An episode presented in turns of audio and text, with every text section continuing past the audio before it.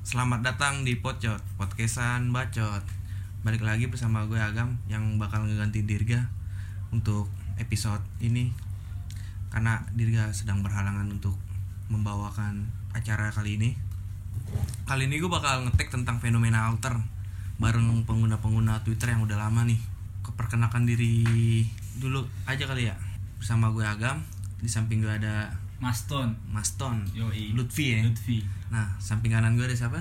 Ewin Brontak Ewin Brontak. Nah, Ada gue Fahren nah pada episode kali ini kita bakal yang tadi gue sebutin bakal ngebahas tentang fenomena alter ya.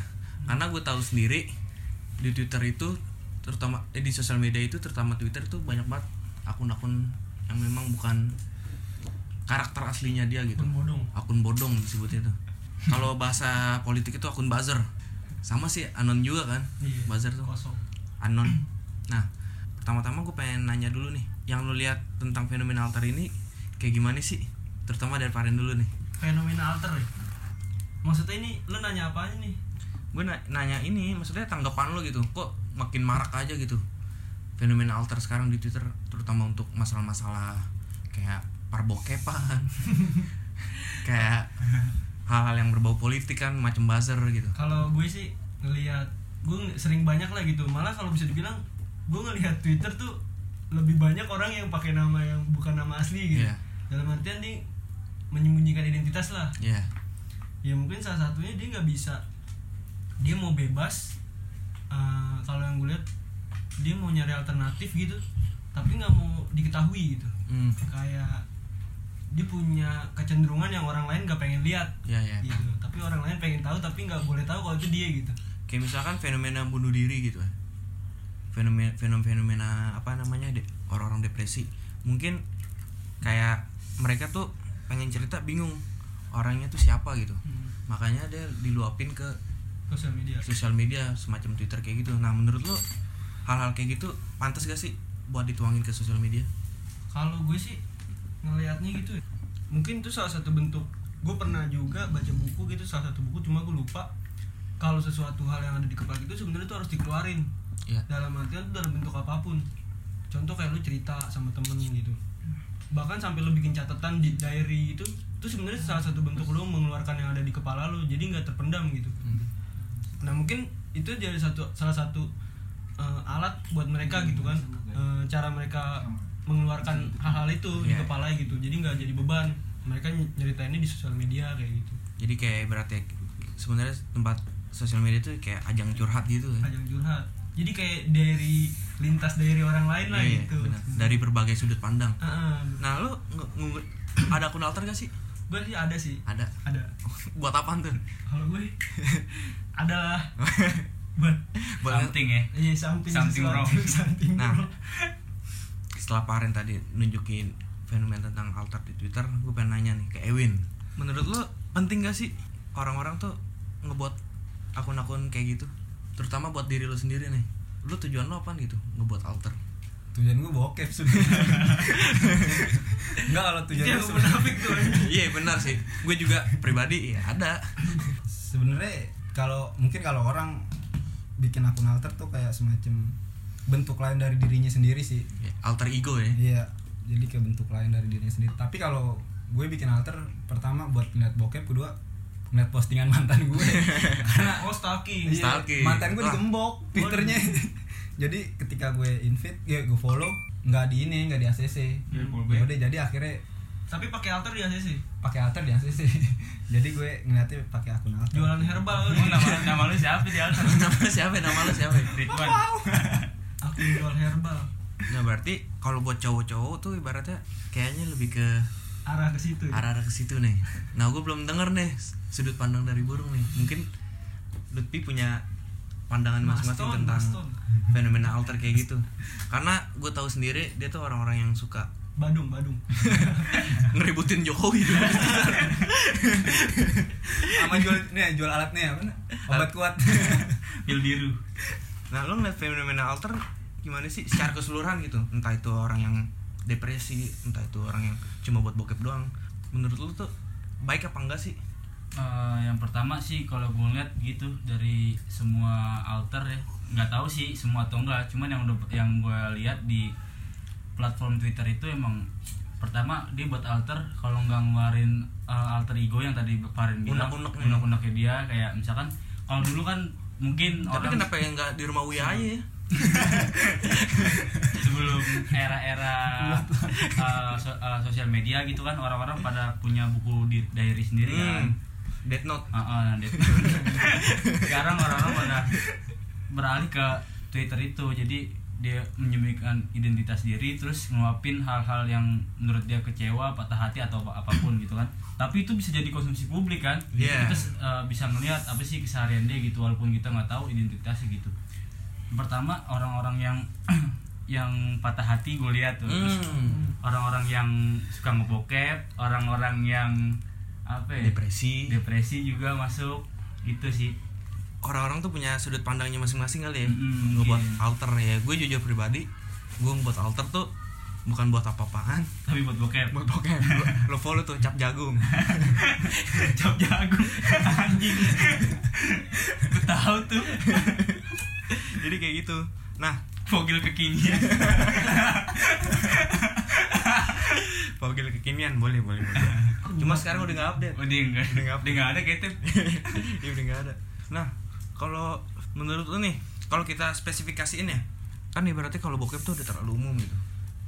Kalau kita ngelihat konteks orang-orang yang kayak patah hati depresi lo ngeliat suatu fenomena akun alter itu lo nganggapnya itu kayak gimana sih? Dari Parin dulu deh maksudnya fenomena fenomena alter yang Patah hati. khususnya buat orang-orang yang patah hati depresi curhatnya tuh di twitter curhat- curhatnya tuh di twitter gitu kalau gue Iya. kalau dia punya alter dan dia mau ceritain itu menurut gue sih bagus, buat dia sendiri gitu ya tapi dia juga nggak bisa nyalahin kalau orang lain punya pendapat lain terhadap iniannya dia gitu jadi Oh. harusnya ketika lo lempar ke publik ya berarti itu milik publik Iya, jadi lo jangan Terima konsekuensi. Nah. konsekuensi Soalnya- soalnya emang lo ya keuntungan buat dia lega lah segala Nah. macam lega tapi lo jangan kaget kalau ada orang berpandangan berbeda atau gimana ya itu sih konsekuensinya yang gue lihat. Soalnya kan sekarang juga marak banget ya masalah spill spill gitu kasus pelecehan seksual menurut gua sekarang udah kayak banyak juga yang melakukan apa ya rekayasa kasus lah ibaratnya. Lu kayak dituduh pelecehan sebenarnya tuh lu kagak cuma gara-gara lu dari sudut pandang korban. Ibaratnya si korban ini ngelakuin alter gitu apa namanya Eh, bikin akun alter dan di mana dia nulis tentang pelecehan yang telah dialaminya padahal setelah diklarifikasi validasi melalui apa ya dua sudut pandang lah. Ternyata ya malah jadi pembohongan publik gitu. Gue ngerasa tuh kayak ngeras kayak disalahgunain gitu platform-platform Twitter kayak gitu. Enggak sih kalau gue lihat ya. Kayak gimana itu? Kalau gue lihat nih 2020 yang penting viral orang. Hmm. mau Viral. apa kak? Maksudnya pakai eh, kasus apa sih? Misalkan pakai konteks konteks apa gitu. Iya. yang penting lo viral ini Viral, sih ya. gitu masalah baik buruk tuh Ah, ibaratnya baik udah buruk, kayak udah nggak udah Nggak relevan penting ya. nggak relevan ya udah dipinggirin dulu deh mendingan yang penting gue viral gitu. Yang penting terkenal. Benar-benar yang gue lihat sih kayak gitu. Nah kalau dari Ewin nih lu ngeliat fenomena kayak pelecehan seksual yang telah direkayasa gitu kasus-kasusnya ditambah juga marknya dengan spill spill yang di mana tuh konteksnya tuh sebenarnya setelah gue pelajarin bukan ini mah bukan pelecehan masalah pribadi gitu kayak putus cinta segala macam Sentimen. sentimen pribadi nah Oh. menurut lu kayak gimana Win? Ya menurut gue balik lagi parameter dari pelecehan seksual juga kita kan nggak tahu gitu loh Iya benar dalam bentuk verbal. Nah sekarang harus lihat dua sudut pandang gitu loh dari korban dan juga dari pelaku. Pelakunya juga harus klarifikasi lah kalau misalnya dia nggak merasa Iya. melecehkan kayak gitu sih. Kalau dia, dia juga berhak nuntut ya berhak menuntut balik. Gitu. Nah, Twitter tuh viral tentang ini nih, konspirasi, ya kan? Pada saat itu ada drummer ya, musisi gitu, seorang tokoh ya seorang tokoh, public figure, Ah, influencer bisa influencer lah segala macem lah, brand ambassador brand ambassador. skincare ya dia main Twitter, terus juga dia beberapa kali akunnya di di Banned. suspend gara-gara dia ngeluarin teori konspirasi gitu. Nah, yang gue pengen ambil permasalahan di situ adalah kayaknya di Twitter ini bukan tempat yang demokratis gitu. Terlepas dari bodohnya teori si beliau ini gitu tentang konspirasinya. Karena menurut gue kita tuh di sosial media ini kan ranah publik gitu. Kita bebas mengutarakan pendapat segala macam masing-masing. Nah menurut lo dengan fenomena freedom of speech apa kebebasan berpendapat di twitter tuh lu ngeliatnya kayak gimana sih? Karena yang gue lihat tuh kalau lu nggak sependapat sama mayoritas tuh kayak langsung dihujat gitu. Iya. Lu ngeliatnya kayak gimana Ren di Twitter itu. Kayak lu merasa paling pinter nih di Twitter nih open minded lah segala macam tapi orang yang gak sependapat sama lu tuh langsung lu gebuk. Kalau gue sih mikirnya gini tim. Sosial media kalau gue mencoba gue sekarang bukan gue bisa tapi gue lagi mencoba tuh main bersosial media tuh nggak usah bawa perasaan. Iya benar. Itu lu sih. cukup ya, itu kan yang tadi balik lagi yang ke gue bilang. Itu dari banyak orang gitu kan lalu lintas dari orang-orang gitu. Ya jadi lu jangan nyalahin pendapat orang lain dan lu kayak jangan kalau bisa jangan mendominasi orang lain lah. Terus juga gue pengen ngomong gue sering lihat gitu kayak orang eh, misalkan contoh lah gue ambil konspirasi yang terjadi nih saat Iya. ini yang sering gue lihat. Terus orang ngebales pakai teori-teori bla bla bla segala macam Iya. lah. Nah di situ sih gue melihat gini sekecil apa pun lu ngasih tahu orang kalau orang nggak seneng gimana gitu? Hmm. kayak contoh lu sebenarnya baik nih niatnya tapi penyampaiannya salah gitu. Jadi lu terkesan menggurui. Nah itu sih yang gue lihat. Maksudnya jangan sampai kalau gue gue pribadi gitu sebelum ditanya gue nggak mau jawab sekarang. Maksudnya sebelum gue nanya nggak mau ngajarin orang lah gitu sekecil apa pun sekarang gitu. Oh, berarti permasalahan di delivery gitu ya? Penyampaian walaupun Penyampaian, ya. baik ya kan kayak lo nyuruh makan nih kan. Taruhlah lu nih makan nih bagus kan? Lo Hmm. lapar tapi kalau pala lo diketok nih makan kesel gak lu Bener Gitu sih, kalau kesel. gua. iya benar benar benar benar. Walaupun itu bener ya kan yang lu sampein gitu. Nah pengen tahu nih dari sudut pandang Ewin nih dengan dunia pertubiran di Twitter. Kan karena Ewin juga sering main Twitter nih terus juga sering komen-komen argumen-argumen dengan buzzer nih gue pengen tahu nih dari sudut pandang ini tentang ya tadi maksudnya dunia pertubiran gitu. Lo nganggapnya itu kayak gimana sih? Apakah merepresentasikan diri lo di Twitter apa memang ya lo kayak cuma buat ngebual aja di Twitter gitu? Ya buat pertama Twitter gue menggunakan Twitter tuh sekedar untuk bersenang-senang gitu loh. Ya, iya. jadi kalau ada orang yang bacot apa pun ya ya udah biarin aja gitu.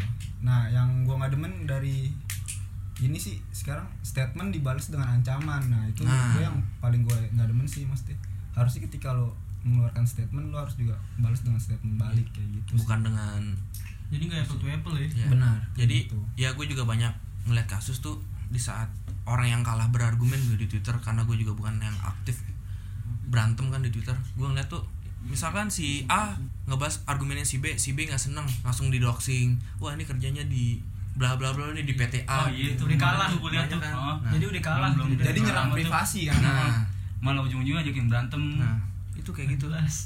tapi bukan JRG bukan ya Bukan. gue sih tadi kemarin bukan Banyak JRG. banget soalnya di situ. atau ada yang ngebawa teman-temannya untuk membuli lawannya kayak Iya, gitu kayak sih gitu. kalau yang gue lihat Terus juga masalah ini sih yang gue sayangin gitu. Mereka tuh kayak orang-orang di Twitter ya.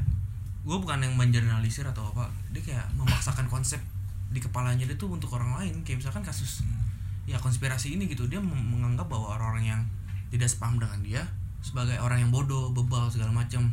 Gue bukan ngebela orang yang ngeluarin teori konspirasi, tapi gue ngebela dia punya juga hak untuk mengeluarkan pendapat Hmm. gitu. Kayak gitu. Nah, balik lagi ke permasalahan awal gitu. Terkait dunia apa ya? Pertwitteran. Apa sih yang lo rasa gitu? Melihat akhir-akhir ini dengan fenomena yang menurut ya kita kita kita orang tuh kayak meaningless gitu, nggak ada makna. Itu kayak gimana sih lo nganggapnya? gue sih jujur gue belakangan ini nggak nggak nggak terlalu aktif loh udah sebulan gue nggak nggak baca baca twitter karena juga Nggak ada kuota. terlalu kuota. enggak bukan nggak ada kuota Bung. terlalu muak gitu sama aduh Sama sih gue iya hal-hal yang menurut gue nggak penting buat Iya. gue pribadi gitu gue terlalu muak hal-hal yang gak gue ngerti gitu gue terlalu muak udah lagi maksud- pusing lah ya Oh, oh. males lah ya lagi jadi gue ngerasa ya lo sebenarnya lo nggak tahu itu suatu keberuntungan gitu loh sebenarnya ya kalau Iya. setelah gua adalah keistimewaan ya. iya. hmm, itu keju itu sih paling penting jadi gue nggak nggak nggak terlalu ngikutin nggak terlalu tahu tentang yang beberapa bahan iya. viral cuman kalau sekelibat emang kemarin juga gue pengen tanya malu sekarang kan ya lo kemarin tahu gak yang uh, satu cewek tuh yang uh, debat sama siapa ya? Yang debat itu loh apaan sih? Oh, iya gue tahu. itu kenapa itu? Gue pengen tahu dong. Jadi yang gue tahu ya, dia jadi misalkan si Paren nih. Gue ada masalah sama lu nih kan. Terus si Paren nyerang sentimen pribadi gue gitu. Taruhan nih sama gue nih lu bakal cerai. Hmm. oh itu. Iya. Taruhan nih pernikahan lu nggak bakal langgeng gitu bla bla bla. Padahal si cewek ini gue liat di bionya itu keren banget gitu. Apa namanya belajar political science. Wih enggak ya, lo yang udah belajar politik kan studi ilmu politik tapi lo nggak bisa bedain mana ranah publik mana ranah privat. Itu menurut gue bodoh banget gitu. Hmm. kayak gitu aja sih Rom kalau menurut gue ya. kalau gue sih ngelihat Twitter gitu. Belum lama ini gue nonton sih eh, film dari Black Mirror salah satu episode itu judulnya Itu di mana tuh salah tuh, Keju? di Netflix Wih, Udah, di- agak. Lu lihat sama nikit keripik kentang ya. tapi beli gak tapi beli gak lo beli lah gila lu Berlangganan nih. Kayak gue. iya judulnya itu uh, Nosdev kalau nggak salah itu episode berapa sih gue lupa di season season 3 gitu. Nah, di situ sih jadi eh, di situ ngegambarinnya tentang orang yang tergila-gila akan nilai gitu. Hmm. Jadi dia dibentuk persepsinya sama orang la- mesti gini. Dia diciptain kebahagiaan itu dari penilaian orang lain gitu. Mungkin Hmm. itu yang jadi kita ngejar nih sensasi itu. Iya. Yang gue lihat sih kayak gitu orang-orang kebanyakan ngejar sensasi penilaian orang lain ba- eh penilaian orang lain baik terhadap gue kayak gitu sih. Jadinya dia ngejar itu sih yang gue lihat. Jadi- Kebanyakan orang gitu. Iya sih, maksudnya ya kalau di fakta di lapangan juga kebanyakan begitu, apalagi kan yang tadi gue bilang tentang pelecehan seksual gitu. Padahal si pelaku pernah ngelecehin apa kagak, lu udah mulai ngespil ngespil aja. Menurut gue tuh lu udah menyalahkan ruang publik itu gitu. Kan ibaratnya Twitter tuh sebagai ruang publik, orang bebas mengutarakan pendapat gitu. Itu aja sih menurut gue. tapi gue juga bisa salah satu yang gue lihat dari Twitter sih manfaat baiknya lah yang gue lihat Hmm. gitu ya eh, mereka punya tempat yang sama gitu ketika Iya. lo bersuara menurut gue ketika lo nggak punya dukungan dari luar tapi lo bisa bersuara di Twitter banyak dukungan dari orang-orang itu dan bahkan bisa terjadi impact di dunia nyata contoh kayak yang sekarang nyata tuh Ferdian nih kan. Hmm. Ferdian Paleka tuh yang YouTube dari postingan retweetan aja dia bisa ketangkep bahkan Hmm. orang bisa terpengaruh menurut gue itu salah satu uh, manfaat dari sosial media juga yang nggak bisa pak nggak bisa dihilangin lah gitu dibalik kekurangan yang tadi gue, ceritain Iya. itu Iya masyarakat jadi tapi ya ada kelebihannya juga menurut gue di situ sih Tapi yang gue gue setuju juga, maksudnya nggak terlalu benci banget sama Twitter juga masalah ini. Kalau misalkan kita butuh bantuan gitu, kan cepet banget tuh Hmm, iya. naikkan Sepakat. engagement gitu Hmm. banyak juga orang-orang yang kebantu gitu karena retweet retweetan Hmm, kayak jualan kayak jualan kayak gitu Iya, terus magic ya. kita ya kita, apa namanya kayak menggalang donasi Hmm. itu juga banyak salah satu poin positif dari Twitter eh tapi gue Tapi mau nanya dong eh, maksudnya untuk mutualan mutualan itu apakah ak- berakhir di ranjang itu dengan Ah, iya tuh, seksual tuh. atau sekedar ketemu ngobrol doang gitu gue kadang sam- suka nggak percaya sama akun alter yang dia kan ada tuh akun alter yang nunjukin badannya gitu Hmm, kan iya. Iya. alter alter itu lo Alter- best alter best, 18 plus. ah Kayak itu gitu kan. gua emang itu beneran apa enggak itu cowok yang ngirim maksudnya kayak gue nih gue punya foto dari Google gitu terus gue Hmm. kirim terus gue uh, speak speak uh, nulis caption uh, dom sini dom sini gitu gue gue masih nggak paham sebenarnya sih kalau yang gue lihat ya Heeh. terutama dari teman terdekat gue juga ada gini dia tuh kayak sensasinya dia gitu dong Hmm. maksudnya fantasinya dia tuh ya dia harus nunjukin badannya dia terlepas dia maksudnya badannya menurut anggapan orang atau umum jelek atau gimana ya dia kayak ngerasa bangga gitu Ngerasa sama puas badannya ya? Iya, makanya dia upload di Twitter gitu. enggak maksudnya tapi berakhir dengan ranjang nggak tadi kata Win Ada juga yang berakhir dengan ranjang, ada juga yang enggak. oh berarti itu Yang beneran tuh gue, Ada. tapi gue beneran. bisa ngeliat juga dari sisi gue kan se- eh, ini juga ya pernah ngulik gitu eh, cara ngebangun akun segala macam ternak akun lah bahasanya Iya. nah itu salah satu bentuk cara mereka bikin konten sebenarnya menurut gue tem gini ketika di awal nggak mungkin lah lo terkenal bisa orang dm lo Iya, nah benar. ketika awal pasti dibohongan kebanyakan kayak gitu kayak lo bikin konten yang sekiranya wih mengundang orang lah traffic ya Nah, tapi ketika udah banyak, menurut gue bisa jadi benar. Ada yang benar-benar DM dan bikin konten kayak gitu. Tapi menurut gue nggak semuanya sih benar. Iya, nggak semuanya benar. Semua benar. Pasti Nggak ada awal-awal tuh dia pasti ngebangun konten palsu. Ya Oke, gue dari sepakat. Twitter tuh paling seneng gue konten hack life tuh kalau video yang hack life misalkan uh, closet Oh, nih, ya kan bisa dibeliin pakai mie. Manfaat yang nggak kita ketahui. Nah itu tuh seru tuh. Lo belum tahu juga eh belum tahu juga maksudnya eh lo bukan anak Twitter lama kalau belum follow Otong Koil. Mangot, mangot. Yang bikin gue tersenyum mulu dibanding debat-debat. Nah, gue lebih pengen kayak dia sih Iya. sebenarnya. debat-debat SJW sama ya kayak gitulah para bajer gitu segala macam. Salam hormat Otong Panutan sih. Iya panutan sih Otong Koil. Panutan. Gila itu. Nggak ada lawan. ada yang mau ditambahin nggak? udah sih kalau udah gitu aja kali ya udah sih kayak yang ya maksudnya gue bingung aja sama Heeh. mutualan-mutualan itu gitu loh. Ya kayak gitu aja ya ada yang bener ada yang enggak gitu tapi kalau untuk memamerkan tubuhnya ke platform Twitter apa itu nggak termasuk dari bagian dari exit gitu? Dari apa? Exit exit apa? Siskae skip oh. Iya Eh, iya iya tahu tahu. Memamerkan tahu tubuhnya di publik. Kayak gitu. tapi menurut gue itu se- sebuah hak juga sih. Iya, Iya, hak, sebuah benar. Sebuah Cuma tapi dia- balik lagi konsekuensinya ntar dia harus nerima. Ya, gitu iya, sih. gitu sih. karena udah dilempar ke publik. Iya. intinya gitu. Jadi nyatanya banyak yang nggak terima juga sih keju. Nah itu yang disalah menurut gue ketika dia dia begitu dia nggak itu hak dia. Ya kan? Eh, mamerin tubuhnya segala macam. Tapi ketika orang bersuara dia marah dia salah menurut gue. Karena itu ranahnya di publik dong ya kan? Orang tapi dia malah menyalahkan apa nih? Kayak eh, ada yang bikin konten soal kayak gitu terus eh, ada yang komen kan gitu kan? Hmm. Lagi bulan puasa bla bla bla bla. Terus dibales lo aja yang sangean gitu. Oh nah itu yang Jadi gue bingung salah di mana dah Iya. bingung siapa yang salah jadi lagi. sebenarnya itu masalah sudut pandang sih. Kayak misalkan nih Hmm. gue sama Paren yang lagi depan-depanan nih. Gue nganggap yang di depan gue tuh angka 6 Paren nganggap yang di depan dia tuh Sembilan. angka 9 jadi kayak gitu beda perspektif aja Oh. jadi emang sebenarnya parameter privat dan publik di sosial media tuh masih bias sampai sekarang gitu Oh. para ahli juga belum nemuin Hmm. Ma- makanya gimana caranya tuh kita ahli pijet kan makanya menggunakan sosial media dengan bijak makanya tunjukkan burung kamu manis. Contohnya Mang Ot sih. Iya, bijak Bang. banget Bijak asli. banget, asli. dia bodo amat sama yang politik-politik ya kan segala macem. Ya, intinya sih ketika perdebatan itu terjadi cukup ketawa. Iya. Jadi simple cukup di- ada Mang Ot di timeline ya. Yo, Iya. jangan sampai enggak tuh. Ya mungkin itu aja kali ya dari obrolan kita tentang fenomena-fenomena akun Twitter sampai fenomena pertubiran di Twitter. Mungkin ke depannya kita bakal ngebahas sosial media lebih luas lagi gitu tentang apa sih sebenarnya tuh kayak konten-konten negatif dari IG gitu. Kenapa ya orang-orang memamerkan kekayaannya? Mungkin bahasan ke depan Oh, bisa. kita oh iya ke depannya kayak gitu. Ya cukup gitu aja kali ya. Oke. Cukup cukup cukup. Cukup Ya. cukup. Gue pribadi terima kasih. Agam pamit. Gue Maston pamit. Ewin Berontak pamit. Gue Fahren cabut. Tetap dengerin podcastan. Bacot. Bye